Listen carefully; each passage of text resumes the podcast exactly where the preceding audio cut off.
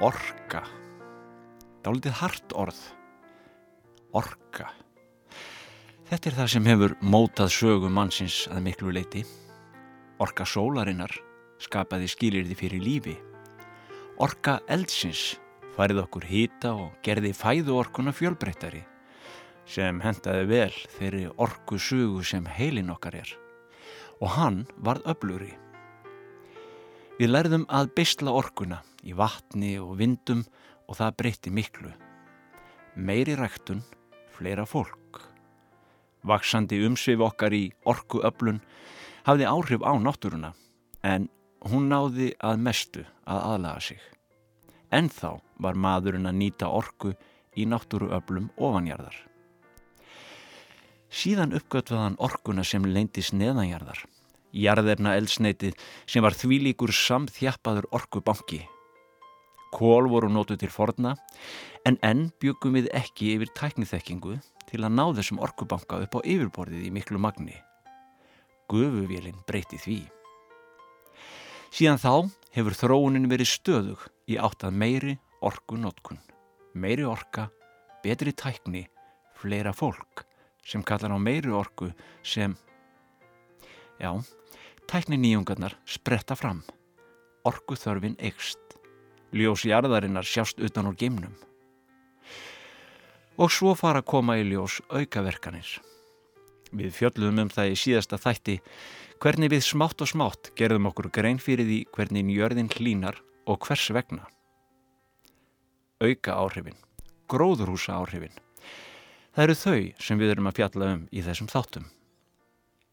Nú er fundur í París um það hvernig við getum unnið bug á þessum auka áhrifum.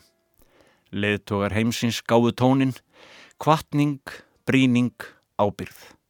Never before has a responsibility so great been in the hands of so few. Kristíana Figueres, umhverfistjóri saminuðu þjóðina. Aldrei áður hefur svo mikil ábyrð kvílt á jafn fáum. Heimurinn tristir á ykkur. Le plus grand danger n'est pas que notre but soit trop élevé et que nous le manquions. Holland Fraklandsfósetti. Mesta hættan er ekki svo að setja markið of hátt og missa marks. Mesta hættan er svo að setja markið of lágt og að við náum því marki. Merkel mætti með kvartningu, Putin sagði að búið var að sína fram á það að vernda umhverfið, það þýðir ekki endilega samdrátt í hakkerfi. Obama sagði það sama í Alaska fyrir skömmu. Já, Obama.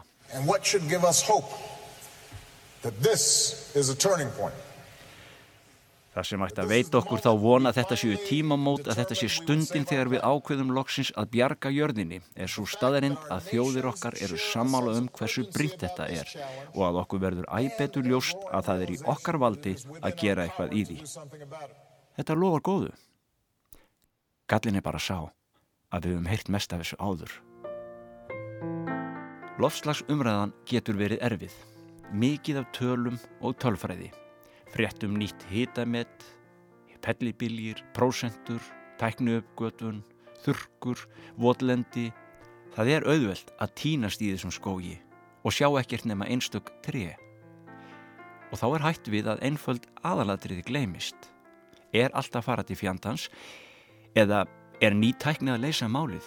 Eru sóknafærin kannski svo mörg að við þurfum ekkit að breyta neinu í lífstíl okkar?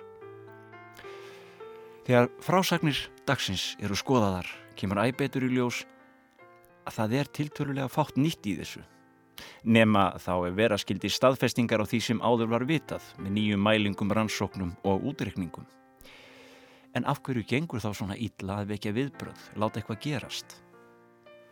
Vísindamenn segja margir hverjir vera ornir langþreyttir á stjórnmálamönnum. Þeir segjast hafa sagt það sama í aldarfjörðung án þess að það veki viðbröð. Leðtóðarnir koma með kvartningar og yfirlýsingar. Það er ekkit nýtt. Í Kaupmannahöfn 2009 mikilvægast að ráðstefna eftir setna stríð. Núna er stundin runnin upp. Útkoman, vonbriði.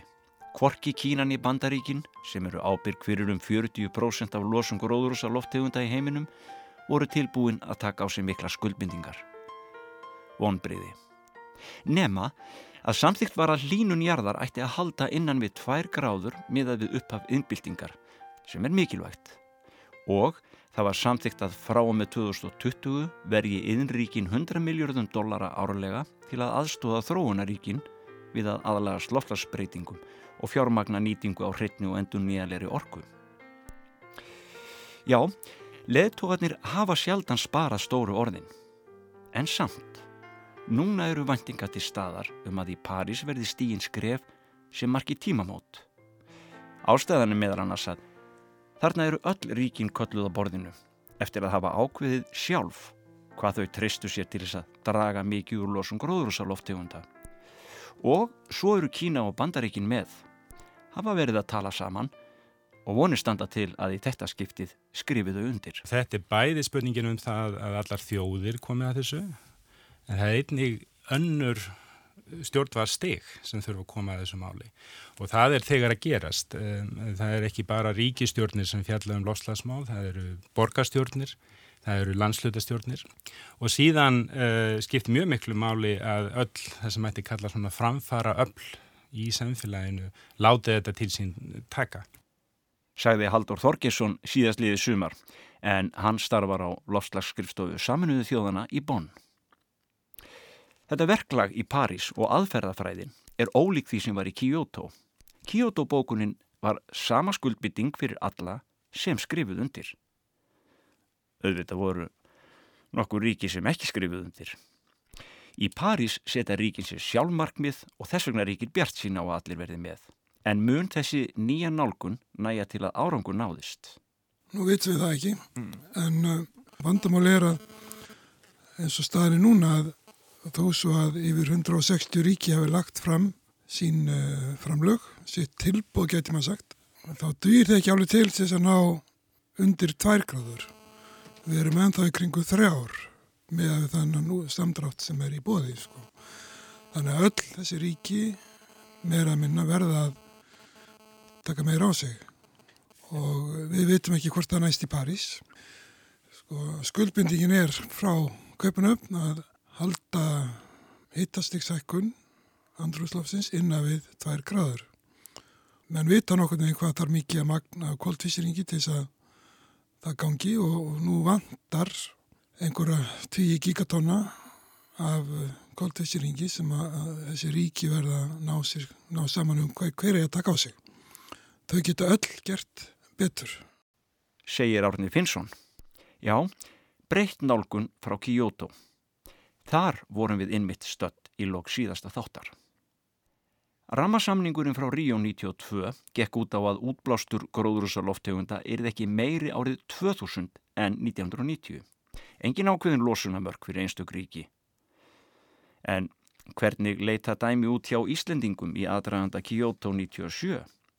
Haldur Þorgesson sem við heyrðum í áðan var þá deildarstjóri hjá rannsóknarstofnur landbúnaðarins og það hafi verið ákveðið að setja auka fjárveitningu í landgræslu og skóraktarverkefni til að binda kólefni.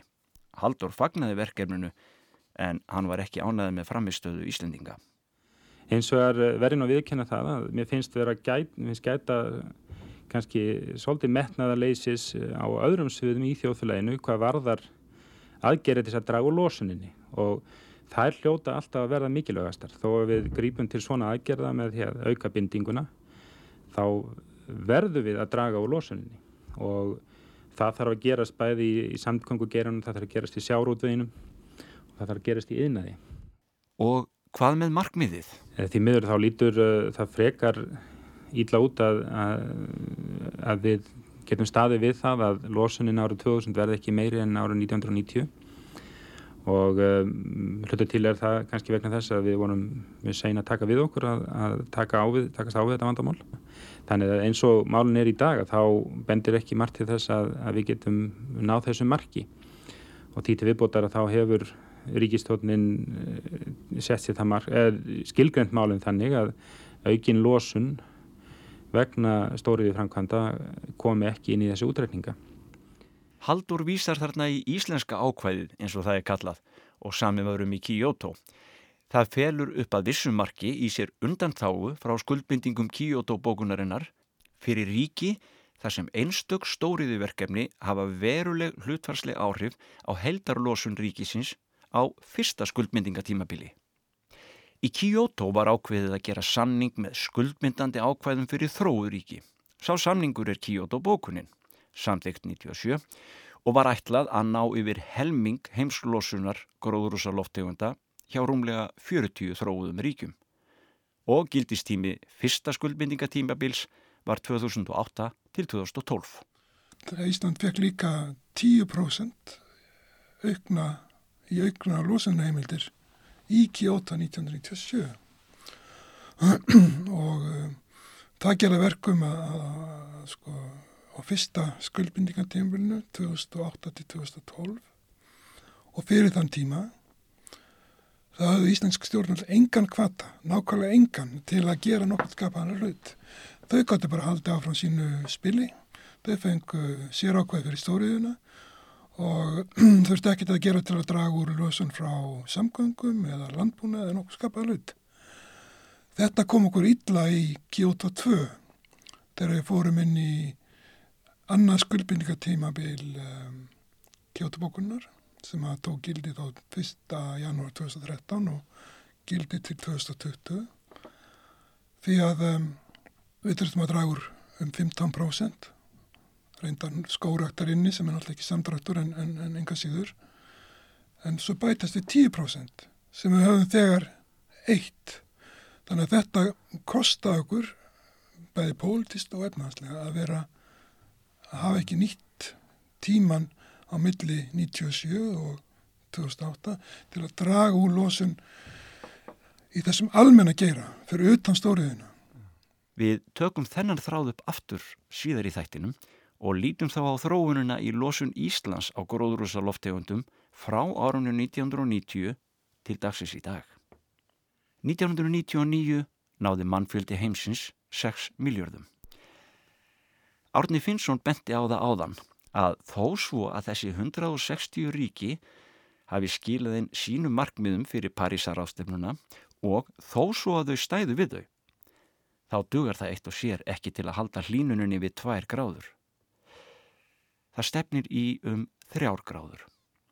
Það lesa menn úr þeim útreikningum sem nú er hægt að gera vegna þeirra þekkingar sem sapnað hefur verið upp um loslagsvísindi. Þeirri þekkingu er haldið til haga á nefndinni sem sett var á lakirnar 1988 milliríkja nefnd um loslagsbreytingar í PCC. Skýstur nefndarinnar hafa komið reglulega út, lofslagslíkun verið sett upp og æg fleiri líkun kerð til að sannreina niðurstöður. Vísindamenn eru varfærnir í yfirlýsingum og það er fyrst í skýstunum 95 þegar sagt er að í heldina litið virtust gögn benda til merkjanlegra áhrifa mannkins á lofslag. Bara þetta vakti strax miklar umræður. Skýslur IPCC er ekkert plagg sem er hent óhugsað út.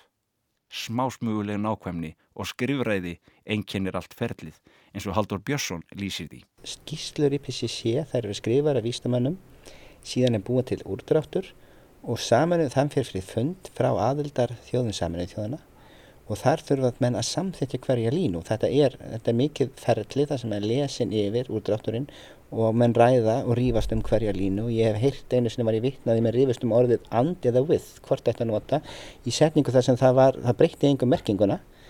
En hérna, en, en hvað þá að menn rýfist um sko merkingarbæra hluti? Og þarna var það mitt, mér minnir að þeir hafi viljað nota orðið, ennska orðið observable, kannski ekki fullera það, en þeir sættust í lokin á orðið discernible sem að var einfallega því að það voru færið sem skildu það orð held ég, en það fór fyrir vikið í hérna, í, í, í skýsluna. Ja. Árið 2001 kom út ný skýsla frá Milliríkja nefndinni. Nýjar og sterkari vísbendingar um að aðal orsök hlínunar sé losun koldíóksíðs af mannavöldum. 2007 ný skísla, meira en 90% líkur á að maðurinn sé ábyrgur fyrir loslasbreytingum. Sumir vísindamenn segja að við eigum að hætta að tala um tveggjagráðumarkið. Það sé of seint og óraunhæft miða við það ferli sem er í gangi. Við ættum frekar að hugsa um hvernig getum við forðast að það hlínu um fjórar gráður. En hvað þýðir hlínun um fjórar gráður? Með batnandi líkonum getum við gert okkur það í hugulund. Þessi heimu sem við færum yfir í ef, að, ef við förum í fjóra gráður er mjög ólíkur, hann er álíka ólíkur þeim heimi sem við svona ólumst upp í og Ísaldarheimurinn er frá því sem koma eftir það sko. Þegar maður tala um sambærilegt, sambærilegt stökk í, í hita á, á mörgum svæðum.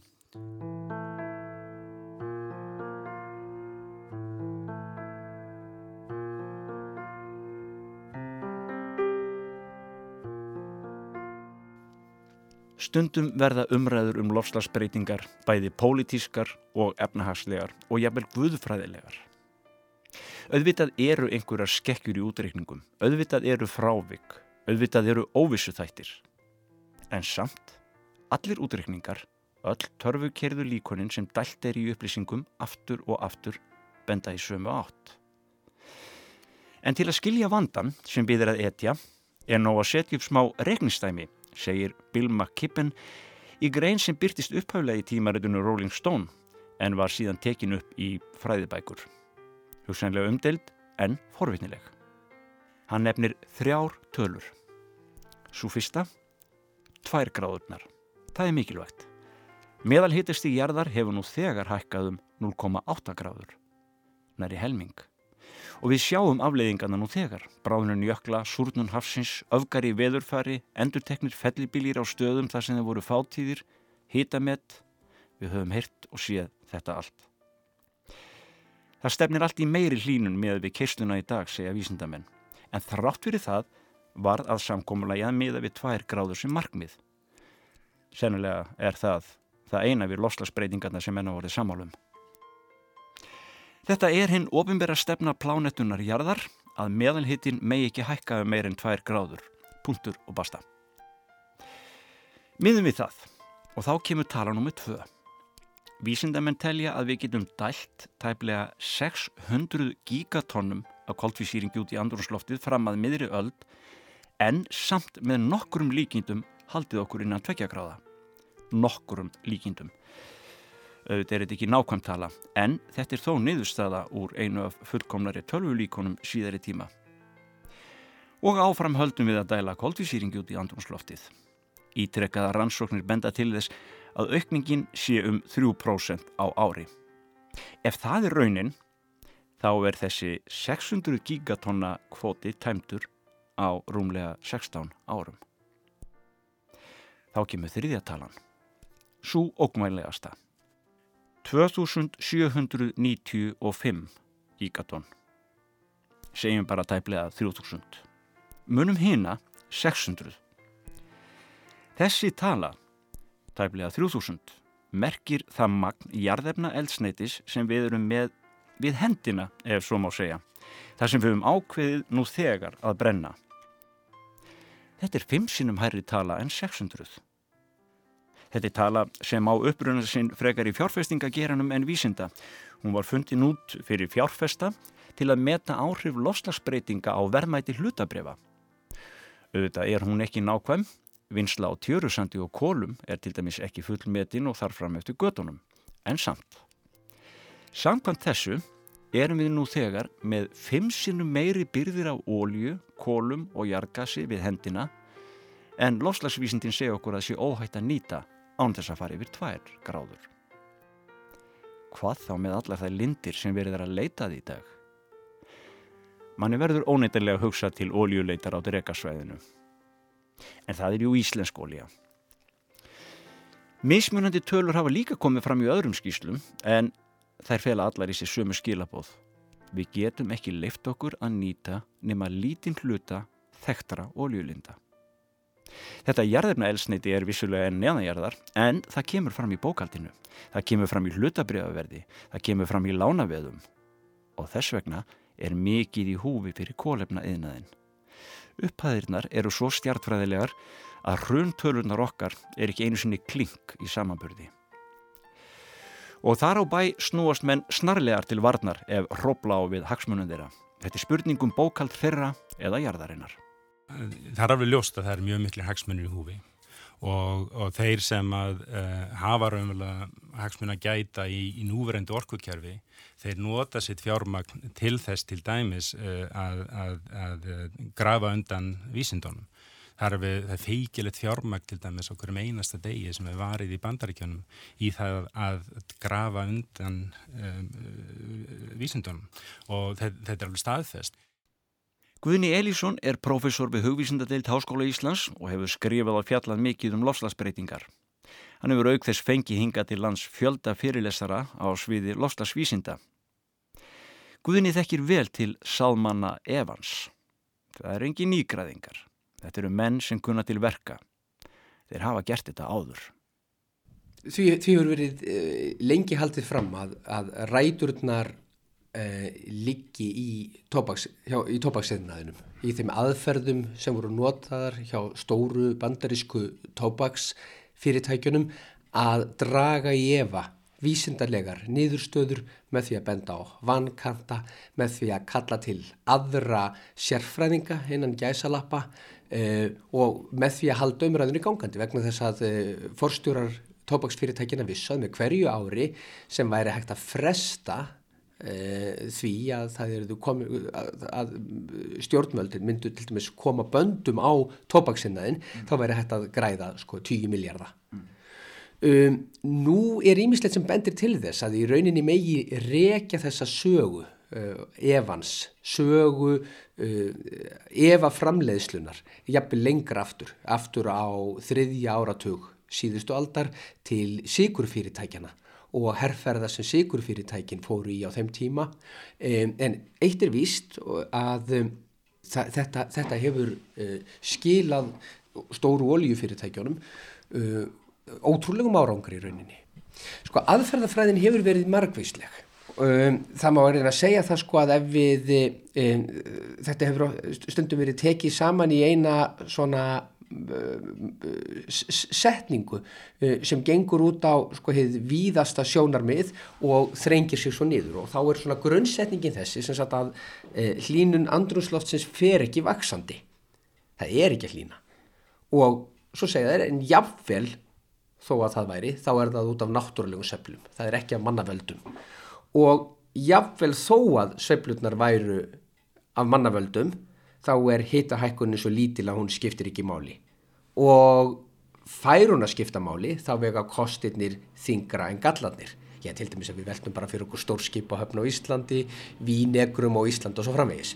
Og eh, jáfnvel þó að eh, kostirnir myndu ekki vega þingra en gallarnir þá kemur tæknin okkur til bjargar, þá finnum við út úr þessu, tæknin mun losa okkur undan þessu, við munum finna leiðir til þess að soga til dæmis koldvísýringin niður úr andrúnsloftinu eða eitthvað þvíunlíkt og jáfnvel þó að tæknin kom okkur ekki til bjargar, þá eigum við ekki að gera neitt vegna þess að það er miklu dýrara að breyðast við vandanum heldur en bara hunsan eða, eða finna einhvers konar mótvægisaðgerðir, við megum ekki leggja efna hægni rúst með því að breyðast við þessu vandamáli og svo bætaður oft við sem er byggt á ótröstum vísendum og þá ertu komin hringin og, og þá e, getur þú farið að veltaði fyrir því hvort það sé nokkuð farið að lína.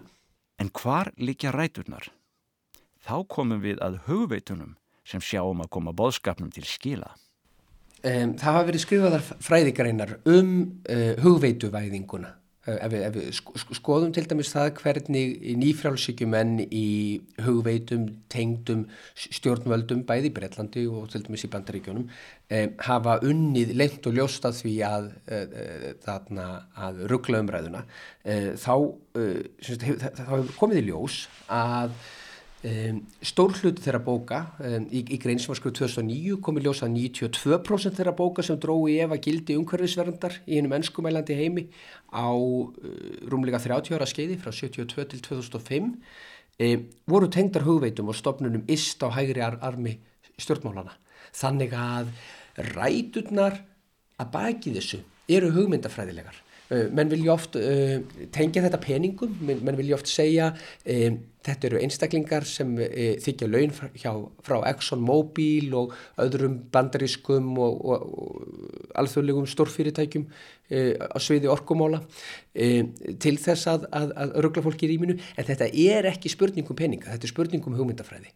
Þetta eru einstaklingar sem óttast það að ef farið verði í aðgerðir e, þá munir það þýða aukin afskipti ríkisvaldsins, það muni þýða það að frjálsir markaðir á heimsvísu uh, það, uh, þetta bitna frjálsum markaðum á heimsvísu og svo framvís þannig að þetta er, þetta er hugmyndafræðileg baráta eftir því sem mann greina betur og betur uh, ástæðunar sem líka baki þá eru þar bæði sko, hugmyndafræðilegar og, og líka svo bara í svona persónuleika einstaklinga og sálarlífi einstaklinga líka í, í greinarmuninu sem myndir gera milli íhaldsmanna og frjálslindra einstaklinga og svo framvís en við megum samt ekki gleima ábyrð stórfyrirtækjana. En svo hefur verið að koma bara núna á daginn, bara núna nýverið, það var frétt bara í síðasta mánuði um það að ExxonMobil sem er kannski það oljufyrirtæki sem er þekktast fyrir að, að styrkja afneitunariðnaðin, þeir vissu 1977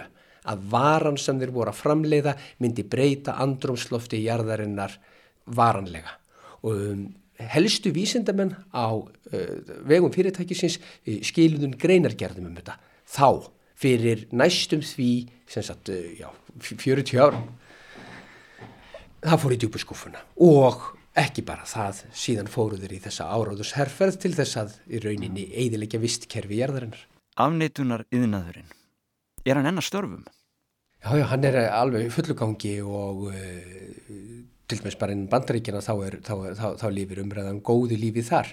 Um, en það sem er kannski erfiðast um, er það að nú verðast þeir stjórnmálamenn sem sko, til dæmis á vest, til dæmis í Evrópu og kannski á Íslandi sem eru evins, þeir, þeir verða að fara varlega í það að lýsa yfir þessum eva en uh, ef þeir eru evins þá gera þeir ekkert en þá bara reyna þeir að fela það, þeir reyna að klæða því annan búning, e, þeir humma vandamálinn fram af sér og það er kannski það sem verður erfiðast eftir því sem e, e, vandin kemur meira upp á yfirborðið, þá mun, munu hagsmunuöflin finna sér leið til þess að, að drepa það svo dreif. En hvað með Ísland? Hefur Eva Semta Akurinn verið ræktaður á Íslandi? Já, já, Íslendingar hafa verið, eða ákveðin hópur Íslendinga hefur verið duglegur við það að, að, að rækta þennan akkur. Um, og í rauninni hef ég, og, og, og, og þar eins og annar staðar þá eru þetta oft einstaklingar á hægri armi stjórnmálana, um, svona harðlínu e, e, menn, e, ný íhald um, og ný frjálsíkju menn. Um, ég verði aldrei skilið af hverju íslenskir ný frjálsíkju menn hafa sko, helgað 2-3 ára tíu því að styðja jarðafna eldsneitis framleiðslu þegar til dæmis hagsmunur Íslendinga væri augljóslega að sá að tala slíka framleiðslu niður vegna þess að við, með, við búum yfir ímsu svona grænum orkugjöfum, við hefum ímsa það er ímist tækifæri í því og maður hefði svona haldið að, að fólk sem mótaðist af þessum svona hugssjónum reyndi þá frekar að, að keira upp í, or, í sko, græna orkusöl og svo framvegis. En íslenskir nýfrálsíkjumenn virðast hafa fyllt sko Washington línunni algjörlega blind í þessum efnum og hafa gert svo í 25 ár og í rauninni má kannski segja að um, um, það kemur manni svolítið á óvart hversu fljótir þeir voru að bregðast við. Ég get nefnt greinar eftir bæði Hannes Holstein Gissurason og Andrés Magnusson frá því bara í upphafi tíund áratöðunis þar sem þeir eru að gaggrína umhverfisvendarhreyfingar fyrir það að vera uh, marxískar í eðli sínu Um, þar sem þeir eru að gera lítið úr uh, hættunni sem komi samfara loslagsbreytingum og svo framvegis mm. og, og harmleikurinn er kannski sá að ef við hefðum sko tekið á þessum málum strax í upphafi ef við hefðum farið í það að gera rótækar breytingar á, á orgu framleiðslu þjóðana strax í kringum 1990 þá hefði verið mjög auðvelt að finna góðar markaðslausnir á málunum sá tímir því miðun liðin. Salmen Evans. Og þeim hefur viða gengið nokkuð vel. Fjörði hver bandarækja maður hefur ekki trú á því að maðurinn sé að valda þessari hlínunjarðar. Hins vegar eru yfir 97% lofslagssérfræðinga heimsins sannfæriður um að mannkinnið valdi breytingum á nattarinnu hitast í jarðar. Lítu næst aðeins á framistöðu Íslendinga í að spyrna við fótum. Hvernig hefur Íslandi gengið að fylgja eftir markmiðinu sínum frá því að þau voru fyrst sett fram? Birna Sigrún Hallstóttir vann í 14 ár á umhverjastofnun þar sem hún gengdi meðal annars litki hlutverki í innleiðingu viðskiptakerfis Európusambandsins með losunarheimildir og auk þess hefur hún séð um útstreymisbókald fyrir loftmengunarefni og vöktun loftgæða, svo eitthvað sé nefnt. Hver hefur heldarþróun verið í losun Íslands á gróðurúsa loftegundum frá 1990 til dagsins í dag? Já, þróunin er þannig að 1990 þá voru losuð 3800 gigagram, það er alltaf að tala um gigagram í þessum bransa, það er saman 1000 tonn. Og 2013 þá vorum við konið upp í 4700 þannig að þetta er hérna, aukning um 23% Frá 1990 til 2013 Já, og þetta eru nýjustu tölur sem Ísland hefur sendt til loslasamningsins Það er rétt að taka það fram að þessar tölur eru án korumnisbindingar og breytrar landnótkunar En þetta hefur ekki verið jæmt og þétt allt tímabilið. Nei, það fór mér að segja aðeins niður á við fyrst eftir 1990 því að þá hérna, dróð, það var minni losun af, af PSC-efnum frá alverðinu í Strömsvík og það munaði rosalega mikið um það til að byrja með. Og síðan náttúrulega hefur verið allir þessi framlegslu aukning í, í einaði, stækkun hjá Alkan og svo stækkun í Jaflendivæsmiðunni og Norðurál 98 og svo Fjörðál 2007 og náttúrulega stækkunni hjá Norðáli með minnur hún að vera 2006 þannig að það er rosalega framlegslu aukning í einaði á þessu tímabili og svo hefur, svona, hefur losun frá samgöngum líka aukist svona jaft og þétt eða jógst jaft og þétt til 2008 og eftir 2008 þá hefur heldur dreyið úr en það verðist núna að vera aftur aðeins aukast síðustu ár. Það gerðist nefnilega ímislegt árið 2008 en skoðum aðeins nánar, hvað gerðist eftir Kyoto-samningin? Sko við fengum náttúrulega algjöran sérsamning í Kyoto-bókunni. Við fengum bæði að auka almennt útstreymi á Íslandi um 10% og svo fengum við líka undan þá fyrir alla nýja stóriði.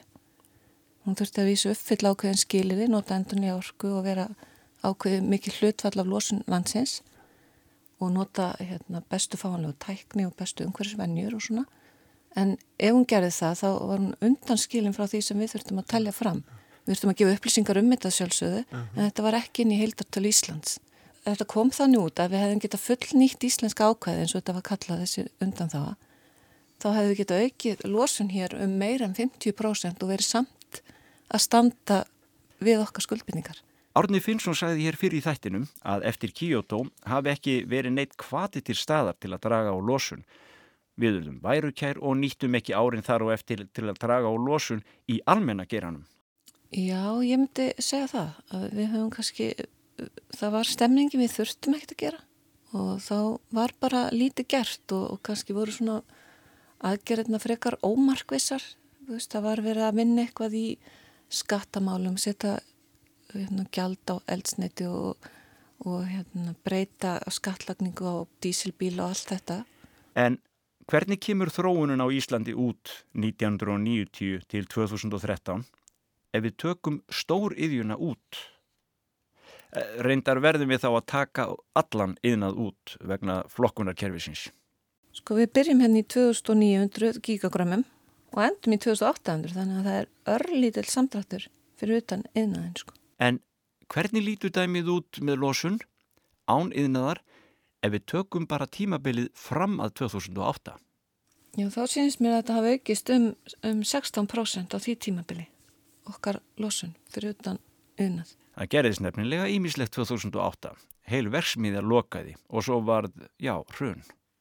Þú veist, frá 2008 þá hefur losun vegna elsnittsbrenslu á Íslandi minga talsvert eða um næstu í 400.000 tonn eða 400 gigagram og það er talsverð mingun vegna elsnittisbrenslu í yðnaði og það er að því að semensvesmiðan var lögð niður á þessu tímbili og af því að það hefur verið aukin rafvæðing í fiskimjölsvesmiðum og síðan er hérna svolítil mingun líka í samgöngum eðlilega eftir hrunnið og bensinverðin náttúrulega hækkaði alveg svakalega elsnittsverð og svo er talsverð mikil hækkun líka eða lækkun líka menna í fiski hjá fiskiskipum.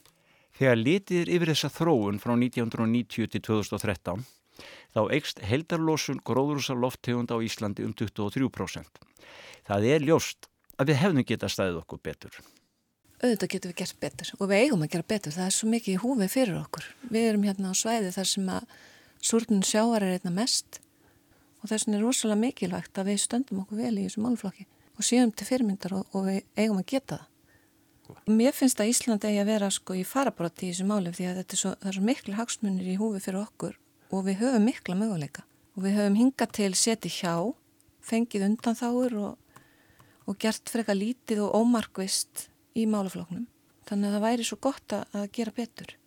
Til dæmis hefur hérna, losun frá úrgangi, hún hefur mingað, sko hún jógst mjög mikið frá 1990 til 2008 og það, það er búið að minga mjög mikið það hlutfall af lífarænum úrgangi sem áfara á örðunastæði.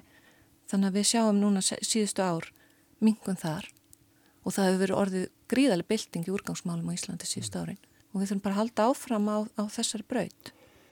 Og þá komum við að áætluninni um að dreyið verði úr losun um 40% með Európusambandinu og hugmyndinni um að Ísland dreyið sjálft úr losun um 40%. Það er margi sem hafa viljað að Ísland setja sér markmið um 40% samdrátt og þá verður maður líka að horfa ef að Ísland ætla að setja sér markmið um 40% samdrátt þá eru við nú þegar búin að auka okkar losun um, um 23%. Þannig að ef við ætluðum að, að hérna, ná 40% samdrætti þá þurftum við í raun að minga losun um 50%. Og ef við ætlum að setja upp þrjú kísilveri við bót þá þurftum við að minga okkar losun um rúmlega 60%. Og ef við getum ekki snert þennan yðnað þá er þetta mjög erfitt verkefni. En svo ég, sagði á þann þá var hérna losunin 1990 var 3850 gigagram og ef við ætlum að dragur því um 40% þá mættu við losa um 2300 gigagram og þaraf er yðnaðurinn núna bara 1900 þannig að það eru 400 eftir fyrir rest. Og þó við myndum vera með null í samgöngum minga losun frá fiskiskipaflótanum eða sjávarútvegi um 40% þá væri við samt ekki komið nálat þessu sko. Það þýrti þá virkilega að leggjast yfir hvað getum við gert? Við getum rafvætt hérna samgöngur, við getum aldrei gert það 100% og við getum dreyið úr losun í fiskiskipaflótunum og við getum dreyið úr losun í úrgangi en, en við erum með þennan stóra einnað og ef við ætlum ekki að loka versmiðum þá verðum við náttúrulega að vera með mótaðisaðgerður og við höfum náttúrulega möguleik í bindingunni. Jú, það eru miklu möguleikar þar. Við fjöllum um það og aðrar mótaðisaðgerðir í næsta þætti.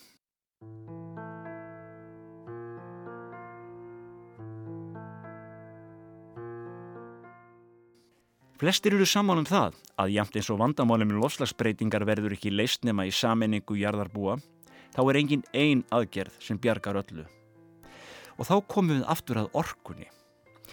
Nýjir orkugjafar hafa lengi verið nefndi sem lausn og miklar vonir bundnar við þá. En hvernig miðar? Stundum sjáum við línuritt um hver gríðarlegu aukning hafi orðið í framleyslu og notkun á sólaraflöðum til dæmis og svo öðrum nýri orkugjöfum. En þessi línuritt eru eins og önnur. Það þarf að setja þau í samhengi. Það gleymið stundum að orgu þörf okkar er alltaf að aukast. Orgu græðki mannsins á sér litlar takmarkanir. Nýjar þarfir, nýjar tækningaræjur, allt þarf þetta orgu. Og þegar línuritið um nýja orgugjafa er skoðað í samhengi við notkun jarðarnaelsneitis, þá sést hversu oppo oppo lítill hluti það er. Hitt línuritið sínur nefnilega líka línu sem stefnir upp á við. Öðvitað, við þurfum og notum sífælt meiri orgu. Svo nýja hefur ekki undan. Hún bætist nefnilega bara við hinn á orgugjafana. Og þróun orgugjafa, nýra orgugjafa þarf sín tíma og á meðan þurfum við okkar orgu og á meðan höldum við áfram að dæla koldíoksíð út í andrumsloftið. Í þessu þarf ekki felast neinn uppgjöf en það sínur okkur einfallega það að við náum ekki markmiðinu með nefni patentlösn. Og við, einstök ríki og einstaklingarnir erum ekki stikkfrí. Það má vel vera að lofslagsbreytingarnar hafi í fyrstu jákvæð áhrif. Það mun hlína sumstaðar. Er ekki gott til þess að hugsa að rektunarland á Íslandi líti nýjar tegundir? Sóknarfæri, vegna bráðnunar heimskuta ísins? Vissulega. En er það eitthvað sem við erum tilbúin að segja augliti til auglitis við íbúa þeirra eiga samfélaga sem sökva í sæ við sumu breytingar? Það er nefnilega öll jörðin sem um er að ræða. Við getum ekki vænst þess að ná markmiðinu án þess að finna fyrir því að þurfa að breyta einhverju í lífsáttum okkar.